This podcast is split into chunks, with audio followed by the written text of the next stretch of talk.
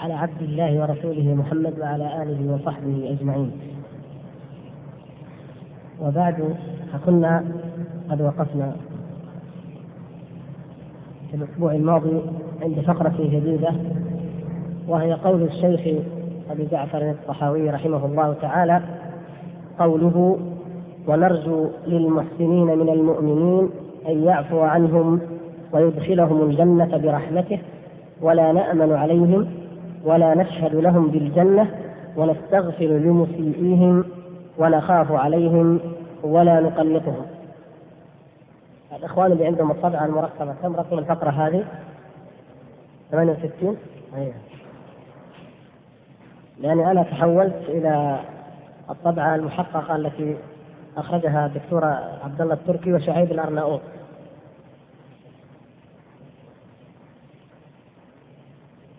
يقول الشارح رحمه الله تعالى في هذا. تقرأ محمد تفضل.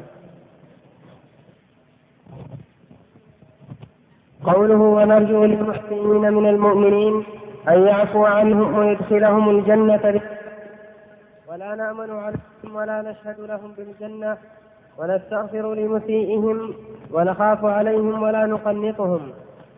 وعلى المؤمن أن يعتقد هذا الذي قاله الشيخ رحمه الله في حق نفسه وفي حق غيره.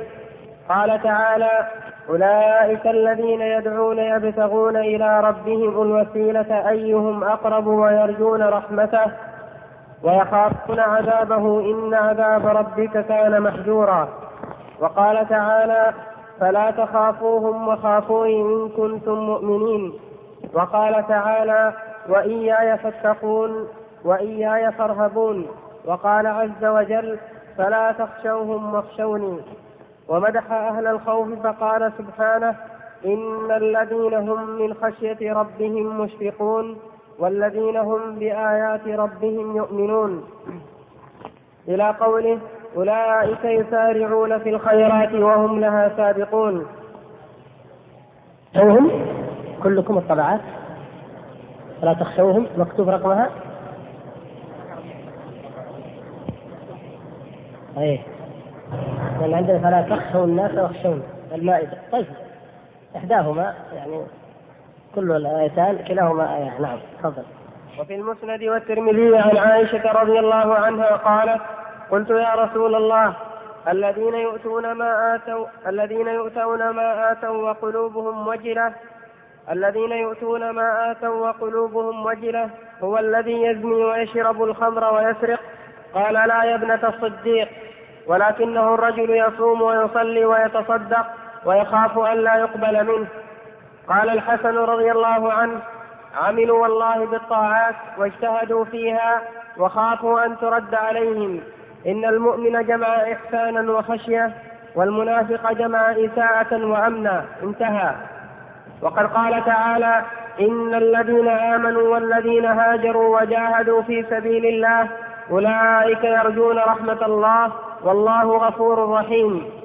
فتأمل كيف جعل رجاءهم مع إيمانهم بهذه الطاعات. فالرجاء إنما يكون مع الإتيان بالأسباب التي اقتضت التي اقتضتها حكمة الله تعالى شرعه, شرعه وقدرته وثوابه وكرامته. ولو أن رجلا له أرض يؤمل, يؤمل أن يعود عليه من من مغلها ما ينفعه فأهملها ولم يحرسها ولم يبذرها ورجى أنه يأتي من مغلها مثل ما يأتي من حرث وزر من حرث وزر. من مغلها. ورجى أنه يأتي من مغلها مثل ما يأتي من حرث وزرع وتعاهد الأرض لعده الناس من أسفه السفهاء. وكذا لو رجا وحسن ظنه أن يجيئه ولد من غير جماع أو يصير أعلم أهل, أعلم أهل زمانه من غير طلب العلم وحرص تام وأمثال ذلك. فكذلك من حسن ظنه وقوي رجاؤه في الفوز بالدرجات العلى والنعيم المقيم من غير طاعة ولا تقرب إلى الله تعالى بامتثال أوامره واجتناب نواهيه. ويبدو أن هناك أتأمل كيف جعل رجاءهم مع إتيانهم. مكتوب كل كل الإخوان عندهم مع إيمانهم. ها؟ لا المعنى يصح يعني. لا بأس. لكن مع إتيانهم أفضل. مع إتيانهم بهذه الطاعات. الرجاء إنما يكون مع الإتيان ذكرها بعد ذلك بالأسباب التي اقتضتها حكمة الله تعالى. وشرعه وقدره وثوابه وكرمه. عندكم مكتوب؟ شرعه وقدره الأولى أن نضع الواو نحن. يعني حكمته وشرعه وقدره وثوابه وكرمه مع إتيانهم الأولى مع إتيانهم لكن مع اتيان مع الإتيان هذه بعدها. يعني بدل مع إيمانهم مع إيمانهم بهذه الطاعات شرعه وقدرته وقدره لا بأس لكن لعل القدر أولى. الشرع والقدر هما المتقابلان. ها؟ أرفع صوتك يا لا مع إتيانهم مع إتيانهم. يعني هم أت... الله تعالى نسب إليهم الإتيان بهذه الطاعات. وهي لا شك أنها إيمان. ايمانهم بهذه الطاعات يعني اعمالهم لأن الإيمان قول وعمل. إيه؟ أيوه قال قدره. هذا صح. طيب. وهذا يعني ضرورة تصحيح النسخ.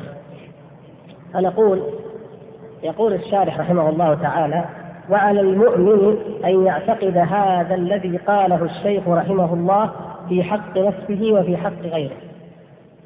على المؤمن أن يعتقد هذا الذي قاله الشيخ في حق نفسه وفي حق غيره. الشيخ صاحب المتن رحمه الله ذكر ما نعتقده في من؟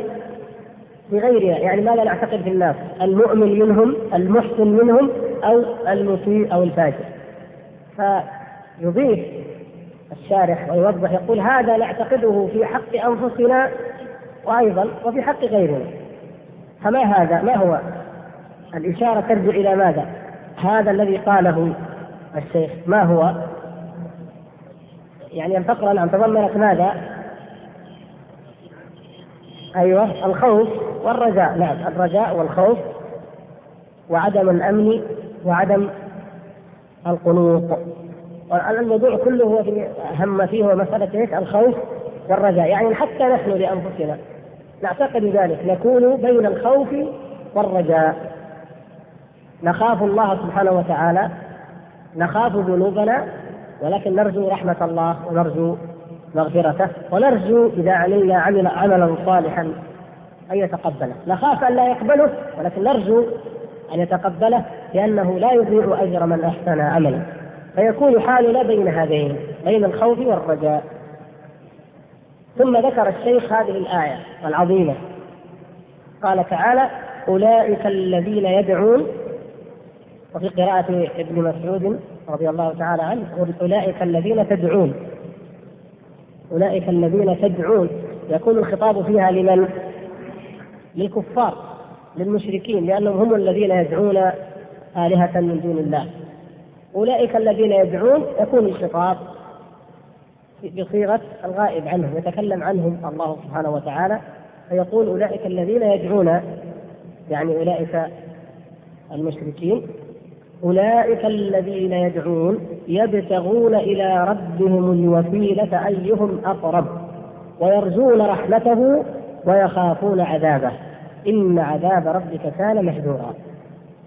هذه الآية قبلها ما يبين معناها. الآية التي قبلها توضح معناها وتبينه. ما هي الآية التي قبلها؟ أيوة أحسنت. قل ادعوا الذين زعمتم من دونه فلا يملكون كشف الضر عنكم ولا تحويلا.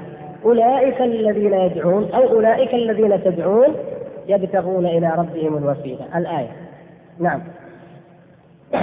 هذه إذا توضح أن الله سبحانه وتعالى يقول للمؤمنين للخلق عامة أو للمشركين كل يصلح الخطاب هكذا وهكذا يقول قل ادعوا الذين زعمتم من دونه. يقول النبي صلى الله عليه وسلم قل لهم قل لهؤلاء المشركين ادعوا الذين زعمتم من دونه. فلا يستطيعون كشف الضر عنكم ولا تحويله.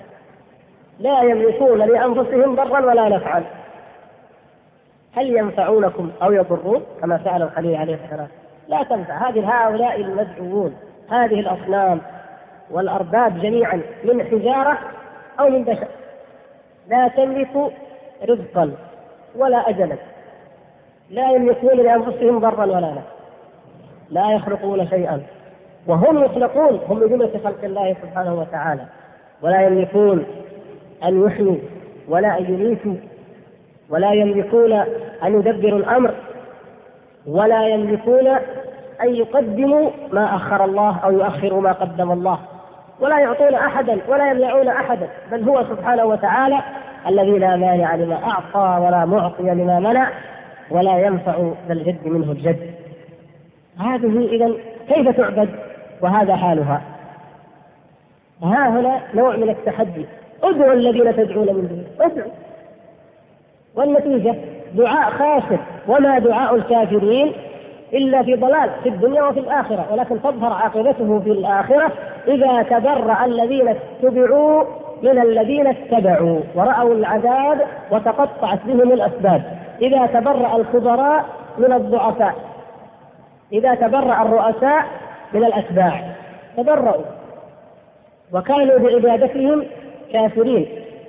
وأصبحت المودة التي كانت مودة بينهم في الحياة الدنيا تصبح يوم القيامة عداوة وبغضاء ويتلاعنون في النار كما بين الله سبحانه وتعالى. بأكثر من موضع. هذا هذا هو حالهم. هذا هو الشأن مع أولئك. فلا يرجى من وراء دعوتهم من وراء دعائهم من وراء عبادتهم. والدعاء هو العبادة كما قال صلى الله عليه وسلم لا يرجى من ذلك إلا الخيبة والندامة والحسرة والخسران في الدنيا والآخرة. ولذلك ضرب الله تبارك وتعالى المثل للمشركين هؤلاء الذين يدعون غير الله. سواء كانوا ملائكة أو جنا أو عبادا صالحين أو حجارة أي أي أي ما كانوا وفي تعلقهم بهذا الأمل الكاذب ومن يشرك بالله فكأنما خر من السماء فتخطفه الطير أو تهوي به الريح في مكان سحيق. نسأل الله العافية. منقطع ضائع هالك خاسر ليس له شيء ينقذه أو ينجيه أو يتمسك به. هذا حال أولئك المشركين ثم جاء بهذا البرهان القاطع الجليل. برهان عظيم لمن وفقه الله تبارك وتعالى وفكر وتأمل أن هؤلاء القوم أولئك الذين يدعون أن هؤلاء المدعوين المعبودين إن كانوا ملائكة أو جنا أو أمواتا أو صالحين أو أيا كانوا إذا كان كما في هذه الآية إذا كانوا هم كما فسرها عبد الله بن مسعود رضي الله تعالى عنه وغيره على ما سنذكر إن شاء الله. المدعوون الذين هم مؤمنون بالله سبحانه وتعالى. فالملائكة لا شك في إيمانهم وكذلك مؤمن الجن وكذلك عباد الله الصالحون كما جاء في الحديث عن الصالحين من قوم نوح الرجال الصالحين من قوم نوح ود وسواع ويغوث ويعوق ونسر كل من كان عبدا صالحا لله سبحانه وتعالى فإنه لا يجوز أن يعبد. لماذا؟ لأنه هو يعبد الله. فكيف أنت أيها العبد تعبد العبد الذي يعبد مثلك؟ يرجو ما ترجو ويخاف ما تخاف ويتقرب إلى ربه كما تتقرب أنت إلى ربك. كيف تعبده؟ وحاله حالك وافتقاره استقارك وذله ذلك وخضوعه خضوعك ورجاؤه رجاؤك أولئك الذين يدعون يبتغون إلى ربهم الوسيلة. الوسيلة هذه التي ضل فيها من ضل من الناس. لماذا؟ يقولون لو قرأتم الآن أو قابلتم من الروافض والمشركين هؤلاء ومن عباد القبور الصوفية في كل البلاد لو قابلت من قابلت لقال نحن نعتقد أن الله هو الخالق والله هو الرازق. وهؤلاء لا ينفعون ولا يضرون. نحن نعتقد ذلك. وإنما نحن نذهب إلى الحسين والبدوي وندعو عباس يا عباس يا علي يا حسن يا حسين يا فلان. يقولون نقصد بذلك الوسيلة. هذه وسيلة فقط. والله تعالى يقول يا أيها الذين آمنوا اتقوا الله وابتغوا إليه الوسيلة. يقول يا أخي الله أمرنا أن نتخذ وسيلة إليه. يعني واسطة. لكن أنتم الوهابية تنكرون كتاب الله وتعادون أولياء الله وتفاهون رسول الله صلى الله عليه وسلم. فأنتم تقولون لا نتخذ وسيلة إلى الله والله يقول اتخذوا وسيلة. هذه الآية تبين ما معنى الوسيلة. هل الوسيلة هم الأشخاص؟ هم الذوات؟ لو كانت كذلك لما كان لهذه الآية من معنى. لأن الأشخاص هؤلاء أو الذوات يبتغون إلى ربهم الوسيلة. إذا هل الأشخاص يبتغون أشخاص الآخرين؟ لا غير صحيح لا يمكن. لأنهم هم هم الذين يبتغون ويعبدون إذا يبتغون إلى ربهم الوسيلة. الوسيلة هي القربة. كما قال الحافظ بن حجر رحمه الله يقول والمراد بالوسيلة القربة. الجزء الثامن من الفتح صفحة 397 يقول رحمه الله المراد بالوسيلة القربة. أخرجه عبد الرزاق عن معمر عن قتادة. وأخرجه الطبري من طريق أخرى عن قتادة ومن طريق ابن عباس. هذه إذا الوسيلة هي القربة. يا أيها الذين آمنوا اتقوا الله وابتغوا إليه الوسيلة ابتغوا إليه القربة. وهنا يقول أولئك الذين يدعون يبتغون إلى ربهم الوسيلة أيهم أقرب؟ آه. كلمة أقرب توضح المراد هو ماذا؟ القربة. كل منهم يريدون القربة. أيهم أقرب يتنافسون ويتسابقون أيهم أقرب إلى الله سبحانه وتعالى أيهم أكثر ذلا وخضوعا وانقيادا واستسلاما وعبودية ودعاء وضراعة ورغبة ورهبة وإنابة إلى الله سبحانه وتعالى. هذا هو المعنى الصحيح.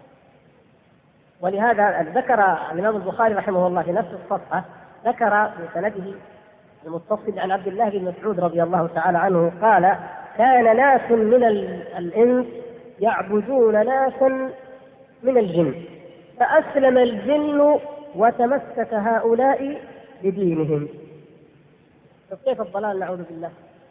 في الجاهلية كانوا يعبدون الجن ويوم القيامة تشهد الملائكة عليهم بذلك على أكثر الناس كما هو الحال الآن. انظروا بين المسلمين فكيف بأيام الشرك والجاهلية؟ يعبدون الجن أكثرهم بهم مؤمنون وهم يعبدون الجن. فلما بعث رسول الله صلى الله عليه وسلم واستمع إليه النفر من الجن وولوا إلى قومهم منذرين كما أخبر الله تبارك وتعالى وكما جاء في الأحاديث أخرى عن النبي صلى الله عليه وسلم ذهب إليهم وعلمهم آمنت الجن. وكان من جملة من آمن منهم أناس كان يعبدهم المشركون من الإنس. فآمن المعبودون وضل العابدون على شركهم. يعبدون من هو قد أناب وتاب وآمن وهو يعبد الله وهو يبتغي إلى الله الوسيلة وهو يرجو رحمة الله ويخاف عذاب الله. هذا ما صح بذلك عن ابن مسعود رضي الله تعالى عنه. وهناك رواية يقول حافظ بن حجر ذكرها ذكر رواية عن عن ابن عباس أن أنها الملائكة أن المقصود الملائكة والمسيح وعزير. لكن قال إن إنها ضعيفة الرواية ضعيفة. على أن المعنى لو تأملنا معنى الآية واضح أن هؤلاء هم عباد صالحون. الملائكة جزء مثال منهم والمسيح وعزير أيضا مثال وكذلك من ذكرهم عبد الله بن مسعود رضي الله تعالى عنه هم مثال. في الحقيقة هذه أمثلة أو أنواع أو أفراد لشيء واحد هو من؟ هو من يعبد من دون الله سبحانه وتعالى وهو غير راض بهذه العبادة بل هو يعبد الله سبحانه وتعالى. يعني نحن نستطيع الآن أن نضيف أمثلة. علي رضي الله تعالى عنه والحسن والحسين وأمثال من الصالحين. نعم. جعفر مثلا عبد القادر الجيلاني وأمثال هؤلاء ممن كانوا هم يعبدون الله وكانوا يخافون الله وكانوا يطمعون ويرجون رحمة الله ويخشون الله. ومع ذلك فالناس الآن يعبدونهم. الحجة قائمة يا إخوان. الحجة القرآنية هذه الحجة القرآنية في أيدينا قائمة على كل هؤلاء. نقول تعال إن كان من تعبده مجرما زنديقا ملحدا لا يعرف له خير. مثل ما يقال عن البدوي وأمثاله. هؤلاء لم يعرف عنهم صلاح. سيرهم وما جاء من أحوالهم يدل على أنهم زنادقة. فإن كانوا كذلك فهؤلاء هم أنفسهم بعيدين عن الله. ما داموا كذلك فإن كانوا بعيدين عن الله سبحانه وتعالى فكيف ترجو أن تتوسل إلى الله بمن لا يؤمن بالله وليس له عند الله سبحانه وتعالى قدر ولا خير ولا حظوة؟ هذا هو. إذا إذا كنتم تعبدون هؤلاء زنادقة ملاحدة. كما كان بعض شيوخ الطرق الصوفية أو زنادقة ملاحدة يرونه يترك الجمع الجمعة والجماعات يرونه وهو يمشي مكشوفا بادي العورة في الطرقات يرونه وهو يفعل أقبح القبائح ومع ذلك يعتقدون ولايته ويعبدونه ويدعونه حيا وميتا. هؤلاء ليس لهم ولايه ولا حظ ولا مكانة عند الله سبحانه وتعالى. فمن يتقرب ويظن أنه يتقرب إلى الله تعالى بهم فهو واضح الخسارة واضح الخيبة واضح أنه لا عقل له ولا فكر ولا رأي ولا صواب. وأما الآخر الذي يتقرب أو يتوسل إلى الله تبارك وتعالى بزعمه بالصالحين يقول هؤلاء ملائكة ملائكة الله نتقرب إلى الله بعباده المكرمين يا أخي. أو الرسول اللهم صل وسلم عليه أو غيره من نتقرب إلى الله بأنبيائه أو من عباد الله وأوليائه وأصفيائه. كمن ذكرنا من الصحابة مثلا وأمثالهم. ونحن نتعبد نتقرب إلى الله بهؤلاء. فالجواب عليه هو هذه الحجة القرآنية؟ وهو أن هؤلاء أنفسهم إنما يعبدون الله ويدعون الله ويتقربون إلى الله فتقرب كتقربهم. ولا تجعلهم هم الوسيلة هم المعبودة. هم الذوات المعبودة المقصودة فإن ذلك باطل وحادث. وذكر في هذه الآية المراتب الثلاث التي أشرنا إليها الأسبوع الماضي. أو الأركان الثلاثة للتعبد أركان العبادة الثلاثة الحب والخوف والرجاء. نستطيع أن نستنبط الحب من قوله أيهم أقرب؟ ليس كذلك؟ لأن أقرب إلى عندما نقول فلان أقرب إلى إلى فلان ما معناها؟ محبته معناه أن محبته له أكثر. فالقرب هو لازم المحبة. الأساس هو المحبة. وأساس كل الطاعات هي المحبة. وأساس الإيمان بالله سبحانه وتعالى هو محبة الله ومحبة رسوله صلى الله عليه وسلم. لو أن أحدا آمن بالله وهو كاره لم ينفعه ذلك؟ إذا لم يكن محبا لله لا ينفعه إيمانه ولا ينفعه قوله الذي يقول ولا عبادته فالمحبة هي الأساس.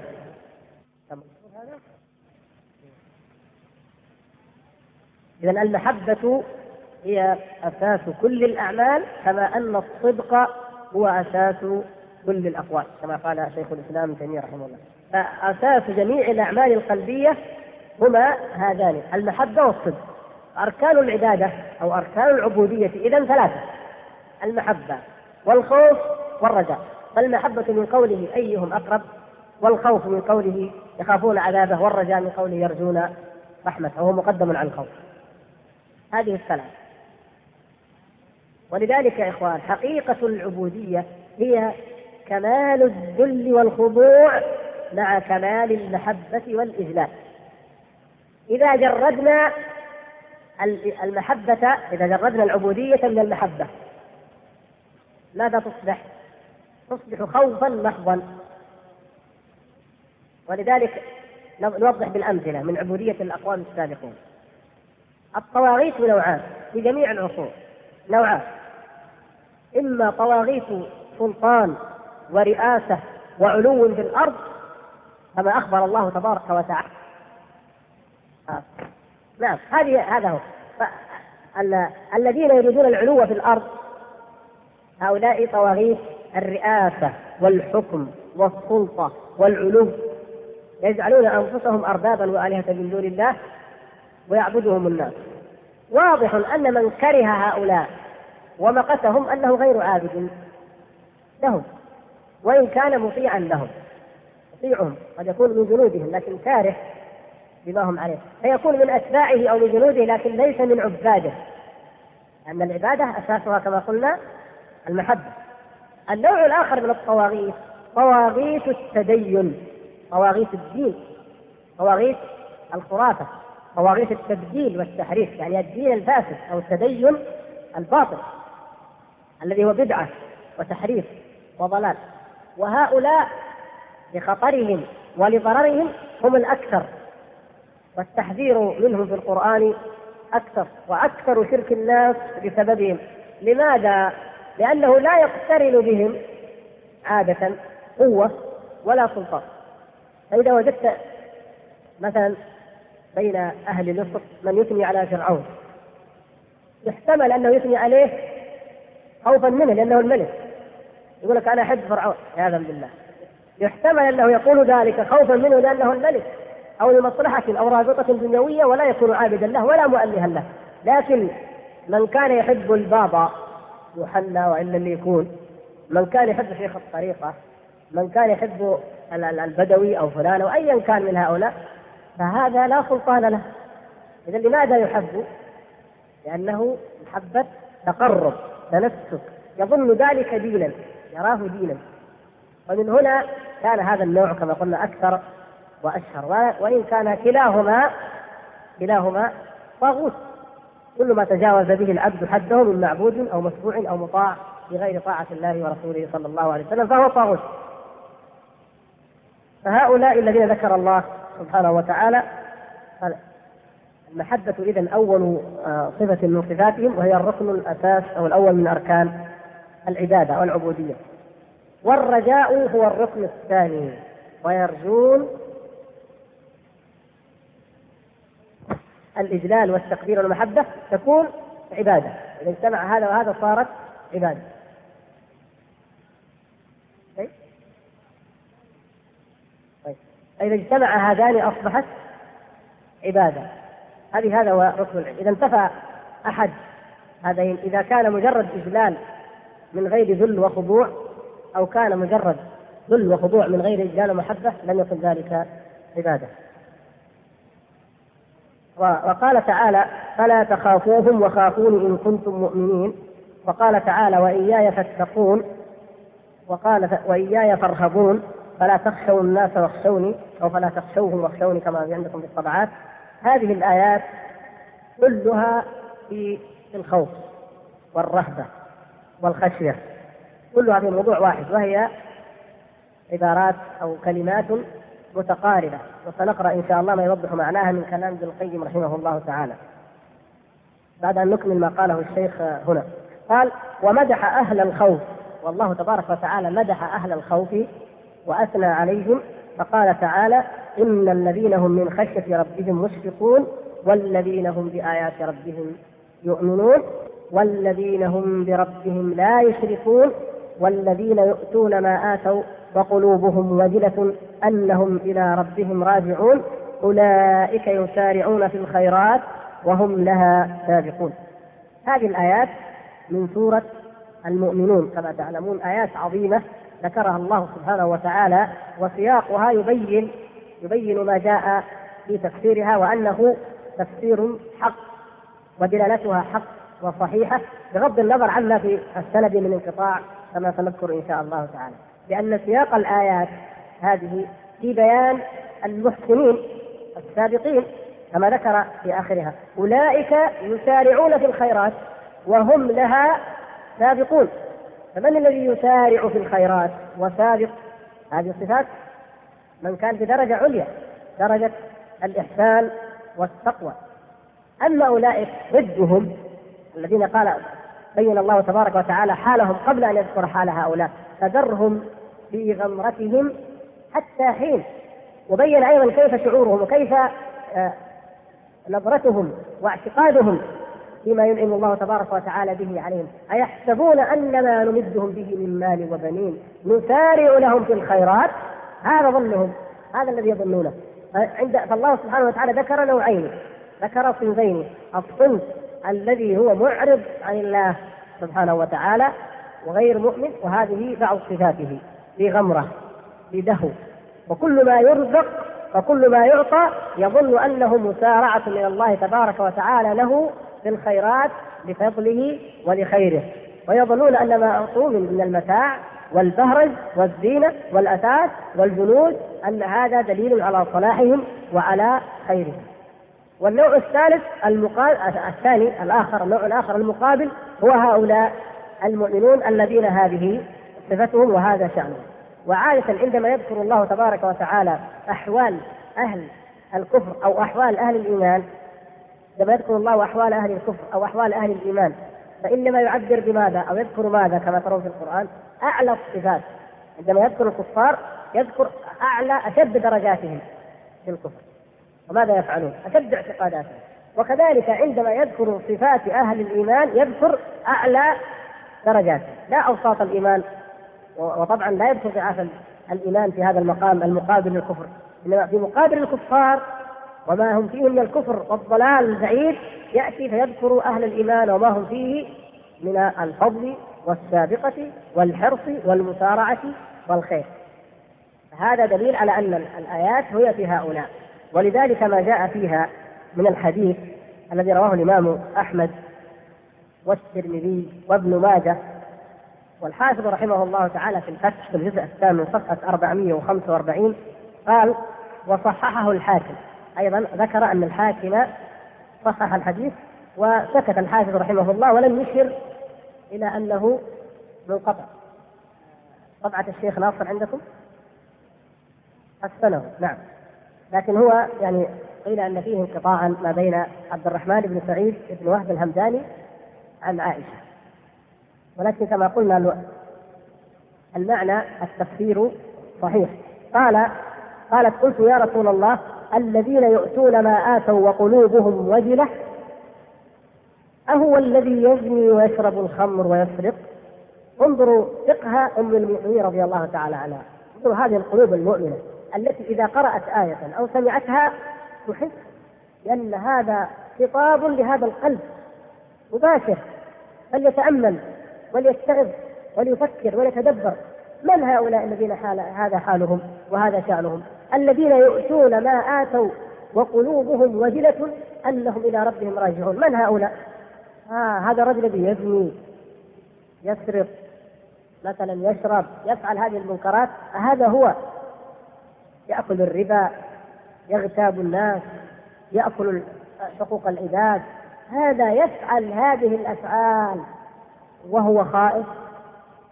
إذا يكون المقصود على هذا يكون المقصود أن هؤلاء العباد من إيمانهم ومن فضلهم ومن خيرهم إذا أتوا منكرا أو فعلوا فاحشة فإنهم يفعلونها وهم خائفون. إذا أتوا منكرا يأتونه وهم خائفون. هذا هو المقصود. إذا لا بأس أيضا. هذا وصف يوصف به بل له خير وفضل وصلاح. لكن لا الأمر أجل وأعظم من ذلك يا أخي كيف؟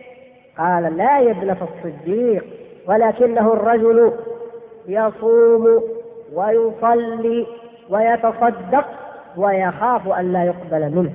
يؤتون ما آتوا. من الأدلة أيضا على أن المقصود هو هؤلاء من لفظ الآية أنه قال يؤتون. والأوتون مصدرها إيش؟ الإيتاء يؤتي إيتاء الإيتاء بمعنى إيش؟ الإعطاء الفعل الخير. هذا يشعر أو فيه إشارة إلى أنهم يعطون ما يعطون يبذلون ما يبذلون من القربات ومن الطاعات وقلوبهم وجلة. أنهم إلى ربهم راجعون. يخاف. نعم قمت صليت حججت اعتمرت أحسنت إلى الفقراء والمساكين. حفظت لساني عن غيبة إخواني المسلمين حفظت يدي عن حقوقهم. وهكذا لكني والله لا أدري ما يفعل بي. ما أدري ربما لم تتقبل هذه العبادة. ربما كان في الحج من الرفث واللغو والفسوق والجدال أو من الرياء ما أحبط الحج. نعوذ بالله. ربما كان في الصلاة كذلك لا يحبطها. ربما كان في الزكاة وهكذا. ربما التفت بعض الشروط بعض الواجبات. ما أتيت بها. دخل الإخلاص فساد في القلب فساد بالنية. فلم تقبل هذه الطاعة. المؤمن يعمل الطاعة وهو يخاف ألا تقبل منه. هذه هي الدرجة التي ينبغي أن يكون عليها المؤمن. لكن الواقع من كثير من الناس أنهم يعملون المعاصي ويرتكبون المحرمات ولا يخافون ولا توجل قلوبهم وتستشعر انها إلى الله تبارك وتعالى راجعة. ولهذا قال تعالى واتقوا يوما ترجعون فيه إلى الله. الإنسان إذا عمل أي عمل طاعة أو معصية يتقي الله ويشعر أنه راجع إلى الله. فإن كان ما عمله طاعة فيخاف أن لا تقبل. وإن كان ما عمله معصية منكر فاحشة فهو أحرى وأجدر أن يخاف الله ليتوب ويكف وينزجر عن معصية الله تبارك وتعالى. ابن القيم رحمه الله كما ذكرنا لكم هذا في الجزء الأول من مدارج السالكين صفحة 511 في آخره ذكر منزلة الخوف شرحا لمنزلة الخوف ذكر هذا الكلام. ذكر يعني كلام الشيخ رحمه الله الشارح هنا مأخوذ من كلام ابن القيم. ذكر آية فإياي فارهبون فلا تخشوا الناس واخشوني وأن الله مدح أهل الخوف وذكر الآيات من سورة المؤمنون. ثم ذكر بعد ذلك أيضا الحديث الذي ذكرناه آنفا. ثم أتى رحمه الله بكلام نفيس عظيم في بيان الفرق بين هذه الألفاظ. لأن كما رأينا في الآيات. إيش الألفاظ اللي اللي مرت معنا في هذه الآيات؟ أيوة الرهبة وإيش؟ والوجل والخشية والخوف. لا هذه التي بمعنى واحد التي بمعنى واحد. وهذه في القرآن كلها. خوف رهبة خشية وجل وفي لفظ آخر كمان. ها؟ الإشفاق الله يستعرف. الإشفاق نعم. مشفقون. إذا ما معنى هذه الألفاظ؟ وما الفرق بينها؟ هنا هنا دقائق من دقائق العلم التي لا يفطن إليه إلا من وفقه الله كما كان حال ابن القيم رحمه الله. يقول الوجل والخوف والخشية والرهبة ألفاظ متقاربة غير مترادفة. متقاربة لكنها غير مترادفة. ثم ذكر قيل الخوف كذا وقيل. قال الخوف هرب القلب من حلول المكروه. أو الخوف اضطراب القلب وحركته من تذكر المخوف. ممكن ما في شيء الخوف واضح. حقيقة الخوف معناه واضح ودائما الإيضاح الواضح من المشكلة. الخوف معروف لكن نأخذ ما بعده ليتضح الفرق مقارنا به. الخشية يقول رحمه الله الخشية أخف من الخوف. قال لماذا؟ فإن الخشية للعلماء بالله. من أين أخذ هذا؟ أيوة من قول الله تعالى إنما يخشى الله من عباده العلماء. العلماء هم الذين يخشون الله. العلماء بالله سبحانه وتعالى وبدين الله. لأن الناس في هذا أنواع. منهم العالم بالله والعالم بدين الله. هذا هو الذي يخشى الله سبحانه وتعالى. ومنهم عالم بالله غير عالم بدين الله. وهذا ما وقع لكثير من العباد. قد يعلم قد يعلم شيئا قد يكون لديه من حقائق الإيمان. اليقين والإخلاص والرجاء والرغبة والخوف. لكنه غير عالم بدين الله. لا يعرف الحلال من الحرام والتفصيل. هذا أقل درجة بلا ريب. بل ربما وقع في البدعة فخرج عن طريق الإيمان والعلم. ولم يعد عالما بالله سبحانه وتعالى. والذي لا علم له ولا إيش؟ لا هنا لا هذا ولا لا لا عالم بالله ولا عالم بدين الله وهذا حال أكثر الخلق. نسأل الله العفو والعافية. هذه الانواع الثلاث يقول فهي خوف فهي الخشية خوف مقرون بمعرفة. ولهذا قال النبي صلى الله عليه وسلم إني أتقاكم لله وأشدكم له خشية. في الحديث الآخر قال إني لأعلمكم في روايه أخرى إني لأعلمكم بالله وأشدكم له خشية. الخشية مقترنة بالعلم فيها زيادة العلم والمعرفة بمن؟ بالمعبود سبحانه وتعالى بالله تبارك وتعالى. قال يبين الفرق بينهما فالخوف الخوف حركة والخشية انجماع وانقباض لاحظتم كيف الفرق في هذه؟ الخوف حركة والخشية انقباض وانجماع فإن الذي يرى العدو والسيل ونحو ذلك له حالتان إذا رأيت عدوا مقبل عليك وحشا ضاريا أو سيلا جارفا يريد أن يأخذك الماء أن يأخذك كيف يكون الحال؟ حالتان إحداهما حركة للهرب منه. حركة للهرب منه. وهي حالة الخوف. والثانية سكونه وقراره في مكان لا يصل إليه فيه. يمكن الواحد رأى هذا الذئب أو الوحش الضاري يهرب يبتعد عنه. أو لا لما رآه تحصن في مكان انقبض واجتمع وتحصن في مكان بحيث أن هذا الوحش هذا العدو لا يمكن أن يرقى إليه ولا يستطيع أن يناله. هذا خوف وتلك خشية قال فإن حالة الخوف وإما السكون قال وهي الخشية. ومنه إن خش الشيء والمضاعف والمعتل أخوان يعني ما ما هي ما هي مشكلة. قال وأما الرهبة أما الرهبة فهي الإمعان في الهرب من المكروه. الرهبة خوف لكنها فيها زيادة إمعان من الهرب في الهرب من المكروه شيء مخوف. يقول فلان يخاف من كذا. لكن يقول فلان يرهبه فمعنى ذلك إيش؟ أكثر هروبا وخوفا منه. في حالة أنك تقول فلان يخاف هذا الشيء، لا يرهب لا أشد. قال وهي ضد الرغبة. التي هي سفر القلب في طلب المرغوب، يعني الرغبة أيضا فيها زيادة زيادة عن مجرد المحبة. مجرد المحبة بلا رغبة لا يقترن به الحرص والطلب، أما إذا قلنا الرغبة يقترن بالرغبة دائما العمل والحرص والطلب طلب هذا المحبوب والمراد.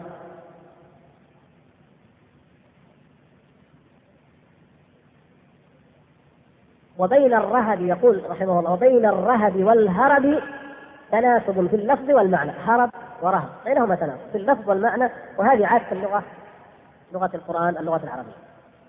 قال وأما الوجل وأما الوجل فرجفان القلب يرتجف القلب وانصداعه لذكر من يخاف سلطانه وعقوبته أو لرؤيته إذا رآه يوجل ينصدع القلب. هذا وجل يعني خوف من نوع أيضا خاص. بالنسبة لشعور الإنسان إذا رأى من يذل ومن يخاف أو إذا ذكر صدع القلب. هذا وجل يعني خوف من نوع أيضا خاص. بالنسبة لشعور الإنسان إذا رأى من يذل ومن يخاف أو إذا ذكر عنده من يخاف. قال وأما الهيبة فخوف مقارن للتعظيم والإذلال. حط الفرق الهيبة خوف لكنه ليس خوفا مجردا. خوف مقترن به التعظيم والإذلال. كما قالت العرب هابك اذلالا وما بها خشية ولكن من عين حبيبها.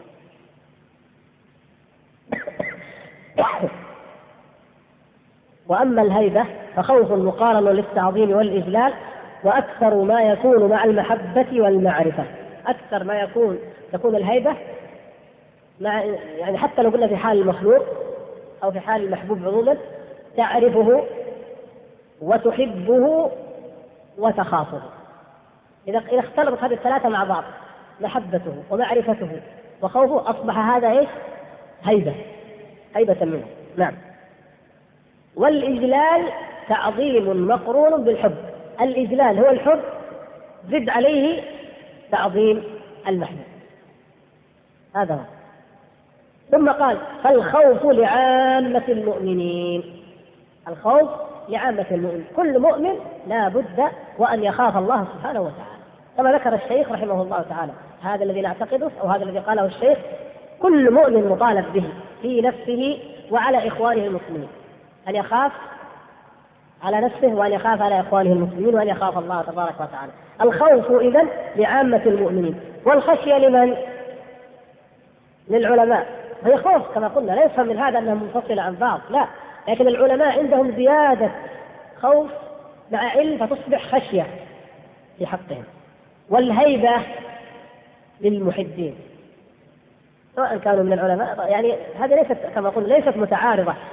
يوجد بينها قدر مشترك لكن قد تزيد صفة جانب من الجوانب قد يزيد في في فرد وجانب يزيد في فرد آخر كما كان الصحابة رضي الله تعالى عليهم والسلف.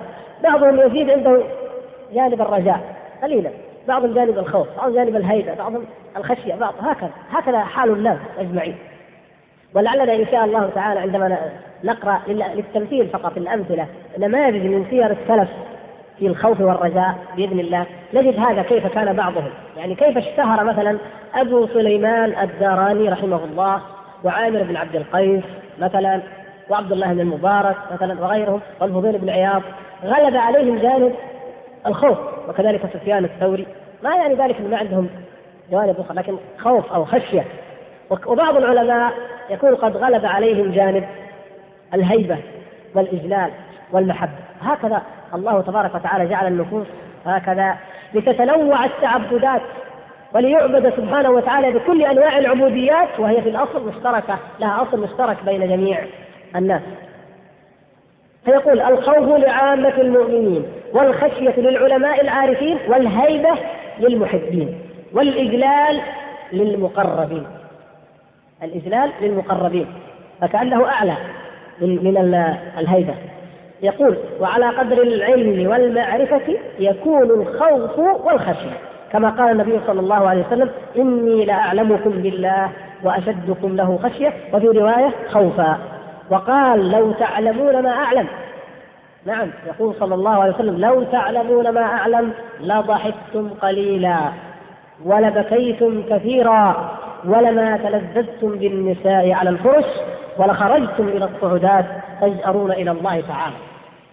انظروا كيف زيادة علمه صلى الله عليه وسلم. لا نطيقها نحن لا يطيقها الناس لا يطيقها غيره صلى الله عليه وسلم. لو كان لديهم من العلم كما له صلى الله عليه وسلم لكان هذا حالهم. من معرفته بالله من من هيبة الله تبارك وتعالى وإجلاله في قلبه. من معرفته بما أعده الله تبارك وتعالى للمؤمنين من الثواب وللمجرمين من العقاب. من معرفته صلى الله عليه وسلم وعلمه بأيام الله وسنن الله في الذين خلوا من قبلنا هكذا هذه قلوب القلوب في هذه مثل هذا تتفاوت تفاوتا عظيما جدا أكثر وأعظم يا اخوتي الكرام من تفاوتها فيما نعلم من علم الدنيا. كيف ترون تفاوت الناس في علوم الدنيا؟ هذا إنسان متخصص في الأحياء أو في الفيزياء أو في الطب عالم كبير جدا في الطب. كيف تقارنه أو ما نسبة ما بينه وبين إنسان عامي بدوي مثلا أو تاجر أو طالب لا يفقه في الطب شيئا؟ تفاوت كبير جدا وكذلك في جميع العلوم. فالتفاوت في معرفة الله أكبر. التفاوت في خشية الله أكبر. وهذا موضع التفاوت. هذا موضع زيادة الإيمان ونقصانه. وموضع التنافس. وفي ذلك فليتنافس المتنافسون. ثم يوضح ذلك. يقول صاحب الخوف يلتجئ إلى الهرب. إنسان يخاف من الله سبحانه وتعالى يهرب من المعاصي يهرب. حفت النار بماذا؟ بالشهوات. إذا يهرب كلما رأى شهوة دفعتها إليها عينه أو أذنه أو قلبه علم أن السمع والبصر والفؤاد كل أولئك كان عنه مسؤولا يهرب من هذه المعصية. يخاف ويبتعد يهرب يتجنب هذا حال المؤمن لا ريب. قال وصاحب الخشية يلتجئ إلى الاعتصام بالعلم لزيادة إيش؟ العلم. صاحب الخشية لا يكتفي بأن يترك هذا الحرام هذا الزنا هذه الفاحشة هذا الغناء هذا الكذب هذا اللهو الباطل. يجتنبه. لا مما عنده من العلم يتعلم ويقرأ. وإذا في كتاب الله وفي سنة رسول الله صلى الله عليه وسلم من أضرار هذه المعصية ومن فسادها ومن أثرها على القلب وعلى الحياة في الدنيا والآخرة شيء عظيم جدا. ولذلك هذا صاحب هذا العلم تحصل بأقوى ما يمكن. فلا يرقى إليه هذا الوحش ولا يطمع فيه أو لا يصل إليه هذا الصيد ولا يناله لأنه ليس مجرد هارب. الهارب قد يدرك. الهارب قد يدرك. قد يفر ولكن يدرك وينال لكن الذي يعتصم بحصن حصين لا ينال بإذن الله سبحانه وتعالى. فكذلك الإنسان يعتصم بالله سبحانه وتعالى يعتصم بالإيمان بالله بكتاب الله بالعلم الذي يقربه من الله ويعرفه بالله عز وجل فلا يأتي شيئا مما حرم الله. لا يأتي شيئا مما حرم الله لأنه عرف ذلك. ولهذا بعض الناس يحب الصلاة يحب الصلاة يصلي. ذهب إلى بيئة فاسدة أو وجد بيئة خبيثة فاسدة. قالوا له أخر الصلاة اليوم ما في شيء قد يطاوعه قد يؤخر. ولو عرضوا عليه أن لا يصلي ربما يقع في نفسه لا لا ثم مرة بعد مرة إلى أن يؤخرها أو ربما يتركها عياذا بالله.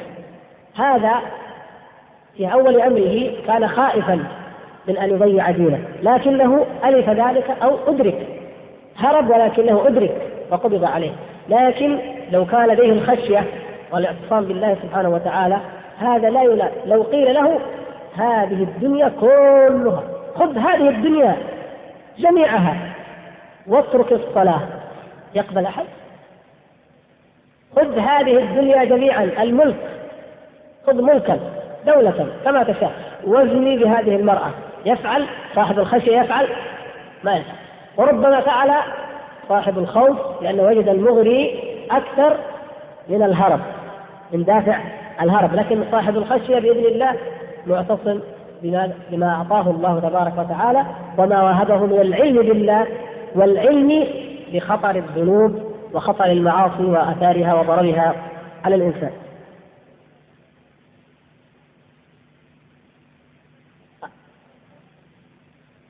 الرغبة نعم.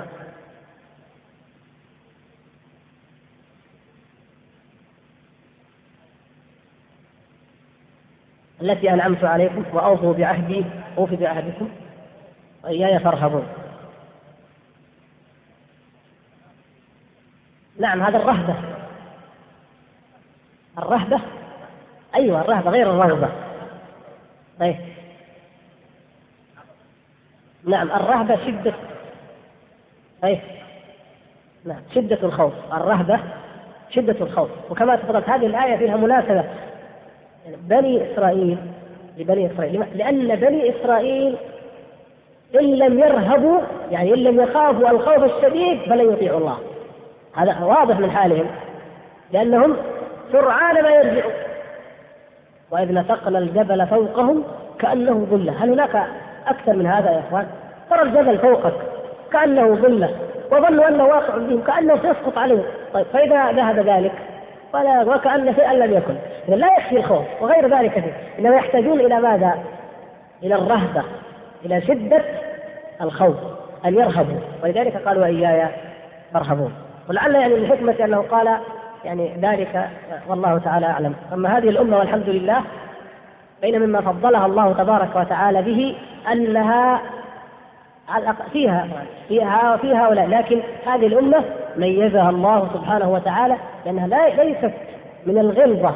والعتو كحال بني إسرائيل. من جهتين طبعا من جهة أن الله تبارك وتعالى خفف عنها كما قال موسى عليه السلام لرسولنا محمد صلى الله عليه وسلم في ليلة الإسراء إني قد عالجت من أمر بني إسرائيل ما لم تعالج. يعني يبين أو يحذر النبي صلى الله عليه وسلم من أنه عالج ولقي العنف من بني إسرائيل فالله تعالى خفف عن هذه الأمة من جهة. ومن جهة أنه اصطفاها وبرأها من اتباع بني إسرائيل الأمة الغضبية. ثم أورثنا الكتاب الذين اصطفينا من عبادنا. هي أمة مصطفاة بأصنافها الثلاثة. فمنهم ظالم لنفسه ومنهم مقتصد ومنهم سابق بالخيرات. كل الثلاثة مصطفى. حتى أن الظالم لنفسه من هذه الأمة أخف ممن هو ظالم لنفسه من بني إسرائيل مع إشتراكهما والصفة الواحدة المقصود أن ذكر كلام أبي سليمان الداراني لعلنا نأتي به إن شاء الله من أصله في آه، صفة الصفوة. لكن بقي الوجل والإشفاق. لا الوجل ذكرنا الإشفاق عفوا بقي الإشفاق. يقول في صفحة 518 الإشفاق رقة الخوف. انظروا هذا هذا الفهم الدقيق الذي أعطاه الله. الإشفاق خوف برقة خوف مع رقة.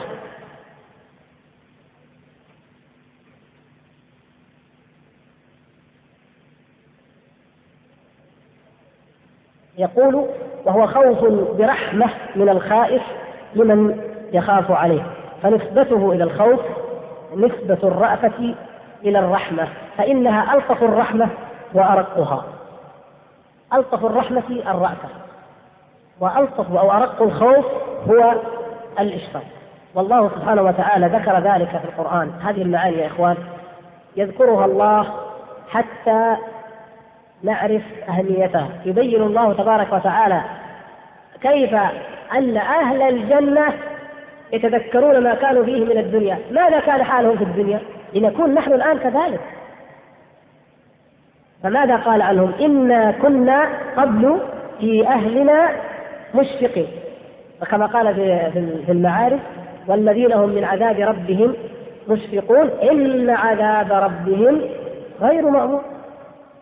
وقال في في سورة فاطر وقالوا الحمد لله الذي أذهب عنا الحزن. إذا ماذا كان حالهم في الدنيا؟ فرح وبطر ومرح. كانوا مشفقين وكانوا حزينين. حزن هم.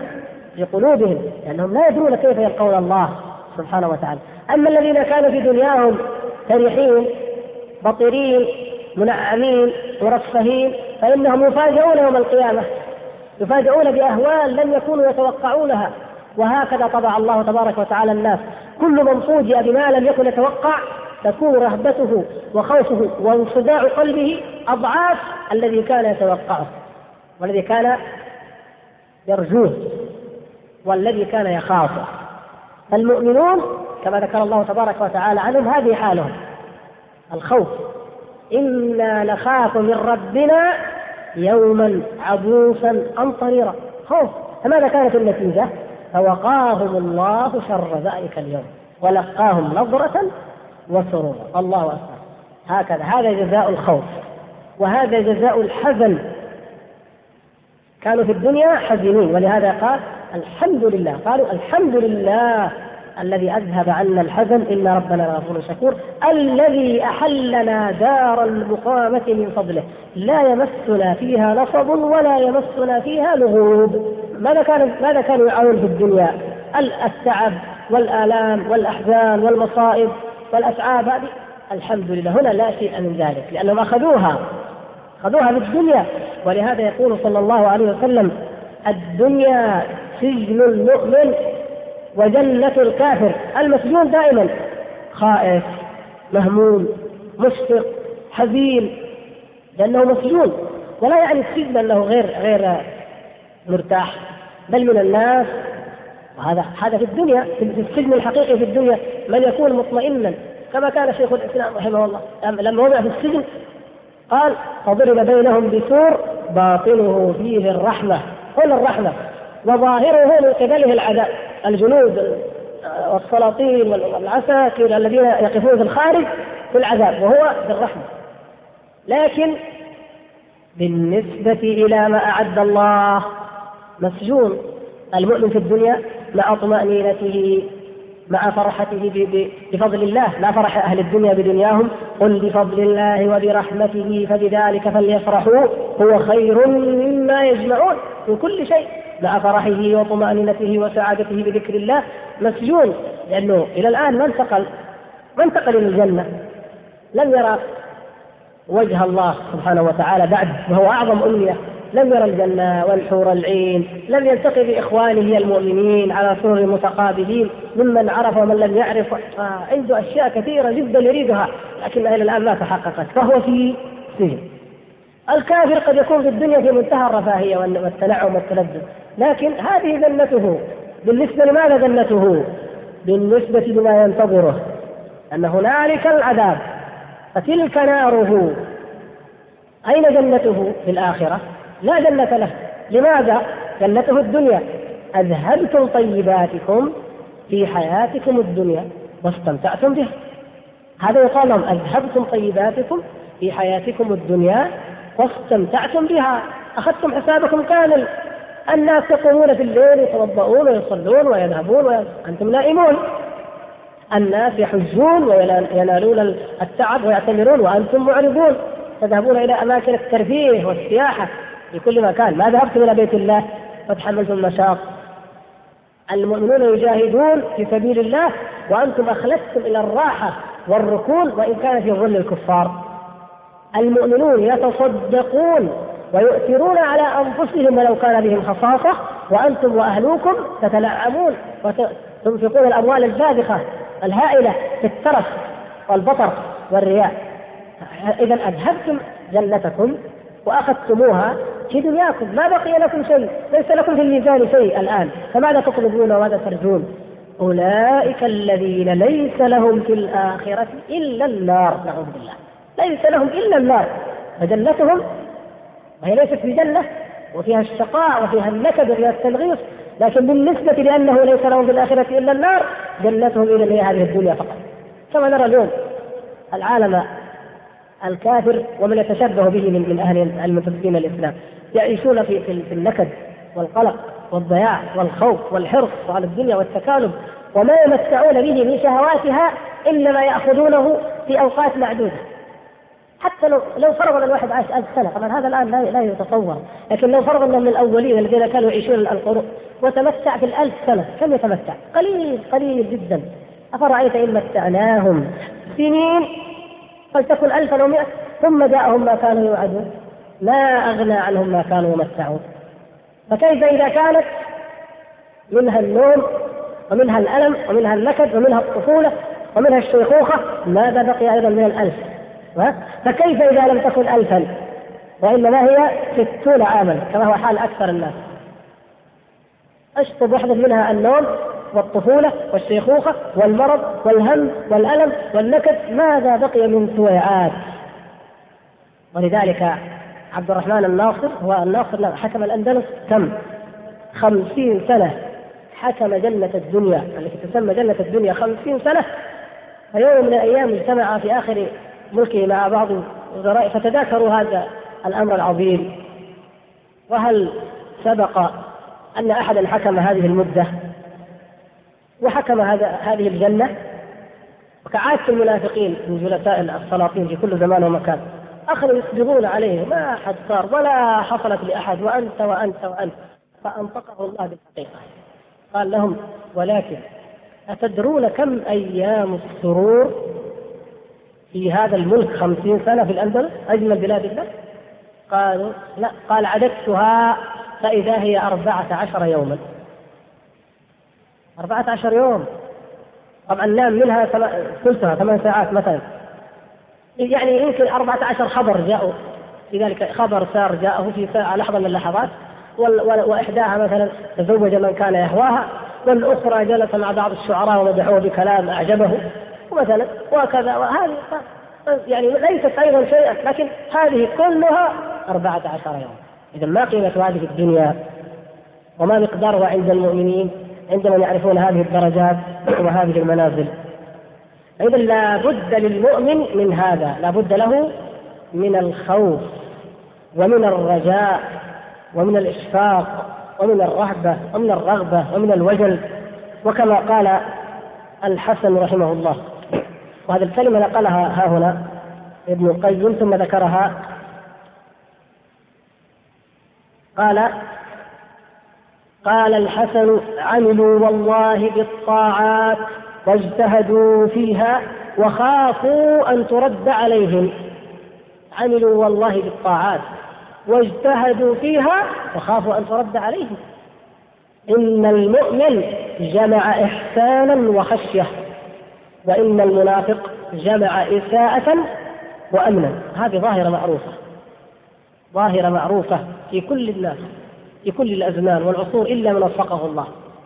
إذا وجدت الخائف الوجل المشفق من عذاب الله فانظر أعماله تجد فيها من الخير ومن الإحسان ومن الفضل. وانظر الآمن المطمئن تجد فيه النفاق والبعد والمعصية. والعكس بالعكس هكذا. المؤمن يحسن العمل ولذلك أحسن الرجاء. لما أحسن الرجاء في الله أحسن العمل. أما المنافق فإنه أمن من مكر الله. ولم يخف الله ولم يبالي بعقوبة الله فلذلك أطمأن وعمل ما عمل فإذا سئل إذا رأيت هذا وهذا ماذا تجد؟ إذا رأيت المؤمن شكى ذنوبه وخاف وتذكر أنه لا يدري أتقبل منه الطاعات أو لا تقبل وكأن الطاعات التي عملها لا شيء لا يدري قد كأنها ربما يأتي لحظة وإذا بها ترد جميعا من شدة خوفه مع أنه فعلها مخلصا موقنا راغبا راهبا. وأما ذنوبه فالمؤمن كما جاء في الحديث المؤمن يرى ذنوبه كالجبل. جبل معلق فوقك تخشى أن يقع عليك تخاف من ذنوبك وأنت أعلم الناس بذنوبك. المنافق الذنوب جميعا. شرور خمور فجور لعب لهو إعراض تهاون في طاعة الله أكل لحقوق الناس كل هذه الذنوب كذباب وقع على أنفه قال بهكذا فطار. ما في شيء هذه مشكلة. فإذا سألته وجلست قال طيبين نحن طيبين الحمد لله. وأحسن من غيرنا بكثير. وأنا طيب وأنا سويت وأنا فعلت وأنا وأنا وأنا. وإن ذكرته بما بما فعل ولو لم يفعل. لأن من طبيعتهم أنهم يحبون أن يحمدوا بما لم يفعل. هذا أيضا من المعايير قل لأخيك المؤمن أنت ما شاء الله فعلت. لا يا شيخ ترى ما ما أبدا. لأنه يعلم أن هذا خطأ وخطر عليه.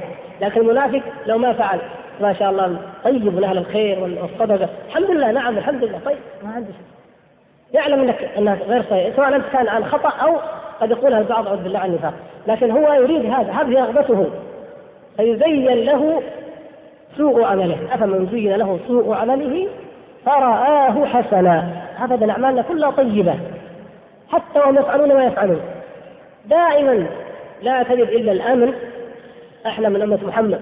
اللهم صل وسلم. نعم هو. أمة محمد تنتسب إليه انتسابا. صلوات الله وسلامه عليه. فأين العمل؟ إحنا برحمة الله. ها؟ نحن أحسن من غيرنا.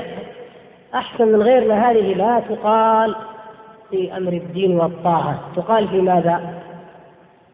الدنيا. نعم. عندك وظيفة؟ الحمد لله. أنت أفضل من غيرك. عندك زوجة؟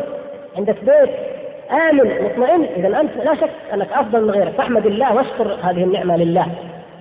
لكن في في أمور الدين انظر دائما إلى من هو فوقك. قل كل الناس خير مني. الناس كلهم أفضل مني. الناس يعبدون يتقون يتصدقون يحسنون وأنا في هذه الحالة. أما إذا عكس الأمر فما من كافر إلا وربما رأى أن في الدنيا من هو أكثر منه. إن كانت المسألة معايير عكسية حتى لو لقيت واحد أكبر المجرمين. قتل من المسلمين الملايين إما في أفغانستان وإلا في ليبيا وإلا في الجزائر وإلا في أي مكان. لا نحن أخف من لينو هذا يقولوا هم أبدا. الثورة الاشتراكية لما قامت في الاتحاد السوفيتي يقال إنها ضحت ب 50 مليون. نحن ثورتنا الاشتراكية ما ضحت إلا ب 2000 ب 3 ب 10 أحسن من غيرنا. برضه حتى الكو... حتى أشد الناس كفرا وضلالا يرى أنه أفضل من غيره وأخف من غيره نعوذ بالله. اذا ليس هذا هو المعيار. وإنما في أمر الدين ننظر إلى من هو أعلى منا وأما في أمر دنيانا فننظر إلى من هو دوننا لئلا نزدري نعمة الله تبارك وتعالى علينا. هنا أيضا فائدة عظيمة ذكرها ابن القيم رحمه الله. بقي بقي شيء من الوقت. يقول والخوف ليس مقصودا لذاته. لاحظ الخوف ليس مقصودا لذاته. ليس المقصود مجرد أنك تخاف. لا بل هو مقصود لغيره. قصد الوسائل أي التي نريد منها غايات. ولهذا يزول بزوال المخوف. فإن أهل الجنة لا خوف عليهم ولا هم يحزنون. المحبة مقصودة لذاتها ولا ولا لغيرها؟ المحبة. المحبة مطلوبة لذاتها. ولهذا نحب الله تبارك وتعالى في الدنيا وإذا أدخل الله تعالى المؤمنين جعلنا الله وإياكم منهم الجنة يظلون يحبون الله بل يزدادون حبا لله لأنها مطلوبة لذاتها. أما الخوف ليس لذاته. الخوف هو وسيلة للانزجار عما حرم الله وعما نهى الله تعالى عنه. فإذا آمن العبد إذا بشرته الملائكة ألا تخافوا. ولا تحزنوا وأبشروا بالجنة التي كنتم توعدون. انتهى. ودع الخوف. انتهى. ولهذا في الجنة قال لا خوف عليهم ولا هم يحزنون. نفى الله تبارك وتعالى هذين. وما الفرق بينهما يا إخوان؟ نفي شيئان. خوف وحزن. ها؟ الخوف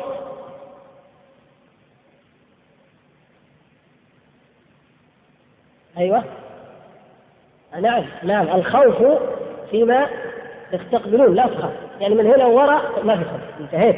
الآن اطمأننت. الآن أمنت ونزلت في دار المقامة في دار السلام في دار الكرامة. انتهى الخوف انقطع.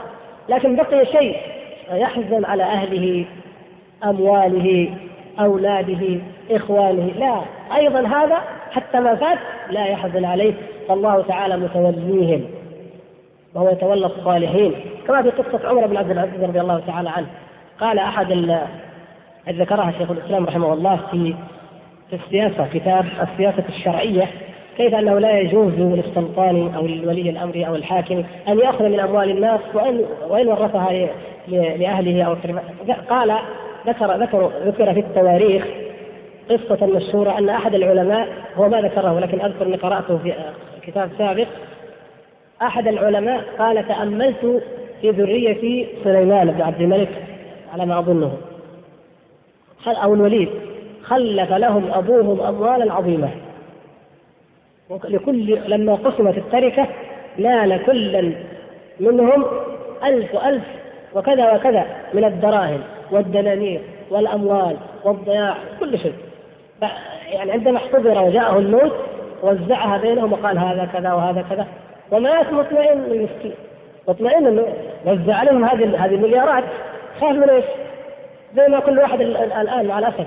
يقول كان أبغى أموت وأنا مطمئن على أولادي. خلصت لهم بيت أعطيتهم التقاعد يكفيهم وفي عندهم كذا أرض اطمئنيت أموت مطمئن. بس كيف؟ ما هو هذا الاطمئنان والله؟ ما نحن نخدع. ما هو هذا الاطمئنان؟ الاطمئنان إذا توفيت وابنائك أتقياء برره تطمئن أنهم سيتقون الله وأنهم سيدعون لك فلا ينقطع عمله. لأن اذا مات ابن آدم انقطع عمله إلا من ثلاث منها هذه. فمات الوليد أو السليمان لا يهمنا ذكر الأسماء مطمئنا في نظره. وأما عمر بن عبد العزيز رضي الله تعالى عنه فإنه لما احتضر أتاه أبناؤه وهم في حالة من البكاء والحزن لفراقه وحالة من الحزن والألم لأنه إذا كان وهو الخليفة ما نالوا شيء فكيف إذا مات؟ من أين ينالوا؟ ما عندهم شيء ففتش فيما يملك وجد بضعة عشر درهما فقسمها بين بنيه فكلمه أحدهم يا أمير المؤمنين هؤلاء بنوك وحالهم كذا وكذا وإن لم تعطهم وأنت حي توصي لهم فمن يعطيهم؟ قال لا هذا بيت مال المسلمين وحق الله تبارك وتعالى ليس لي حق فيه إن كانوا أتقياء برره صالحين فالله ولي المتقين وهو يتولى الصالحين. وإن كانوا فجارا فلا أعطيهم من المال ما يستعينون به على معصية الله. اولا ما يجوز ما هو حقي؟ ابدا. ثاني شيء هذا أحد الحالين. ابدا. فما الذي جرى؟ قال فمرت سنون. والله لقد رأيت أبناء عمر بن عبد العزيز ولدى كل منهم ضيعة تقدر بألف ألف كذا من الدراهم وكذا من الدراهم. ورأيت أبناء أولئك ذلك وهم يتكففون الناس عند أبواب المساجد. سبحان الله. هذه عبرة عظيمة ليتأمل الإنسان وليعلم أن القصد ليس هي هذه الحياة الدنيا. الشاهد الخوف لا يخف لا تخف على من بعدك. أو لا تخف مما أمامك عفوا كنا اتفقنا أن الخوف مما أمامك. ولا تحزن على ما وراءك لأن الله تعالى يتولى المؤمنين ويتولى المتقين ويتولى الصالحين. فلهذا يقال لا خوف عليهم ولا هم يحزنون. هذه هذا حال أهل الجنة. لا خوف عليهم ولا هم يحزنون. فالخوف ليس مقصودا لذاته وإنما لما يترتب عليه من معرفة الله معرفة وعد الله ووعيده الانزجار عما نهى الله تبارك وتعالى عنه ثم قال والخوف يتعلق بالأفعال والمحبة تتعلق بالذات والصفات. الخوف يتعلق بالأفعال. يخاف من ماذا؟ من عذاب الله. والله تبارك وتعالى بين لنا أن العذاب فعله وأن الرحمة والمغفرة صفته. قال إيش؟ نبئ عبادي. أني أنا الغفور الرحيم. اذا المغفرة والرحمة صفته الذاتية سبحانه وتعالى. لا تنفك عنه ابدا. ثم قال في الجانب الآخر وأن عذابي هو العذاب الأليم. والعذاب فعله فعله وليس صفته. نعم هذا من كمال رحمة الله سبحانه وتعالى. فهو كما كما نجد في الفاتحة. الحمد لله رب العالمين الرحمن الرحيم. أول الرحمة. إن رحمتي سبقت غضبي ورحمة الله تعالى أعظم. فلهذا جعل المحبة تتعلق بالذات والصفات وأما الخوف فإنه متعلق بالأفعال لأن عذابه هو من فعله. أما محبته فهو يحب لذاته سبحانه وتعالى لأنه غفور رحيم ودود كريم. انظروا اسم الله الودود. هذا هذا الاسم يشعر بمحبة خاصة جدا إن الله تعالى ودود ولو أن الإنسان لو أن الناس تأملوا صفات الله سبحانه وتعالى كما ذكرنا لكم في الرسالة التي نبهنا إليكم إن شاء الله أن تشتروها لعلكم اشتريتموها. إن ربك حكيم عليم. يعني إذا تأمل الناس في صفات الله سبحانه وتعالى عرفوا الله. وإذا عرفوه حق المعرفة وعرفوا أنه ودود وغفور ورحيم أحبوه فلم يعصوه واذا انزجروا عن معصيته لانهم يؤمنون بأنه الرحمن الرحيم الغفور الودود فكان ذلك كانوا من أهل ماذا؟ كانوا من أهل الهيبة ومن أهل الإجلال هذا أفضل في مرتبة المؤمنين العابدين المتقين من أن يكون من مجرد أهل الخوف كما بين ابن القيم رحمه الله تبارك وتعالى. نسأل الله الكريم رب العرش العرش العظيم أن يجعلني وإياكم من اوليائه المتقين الخائفين الراجين المحبين إنه سميع مجيب. والحمد لله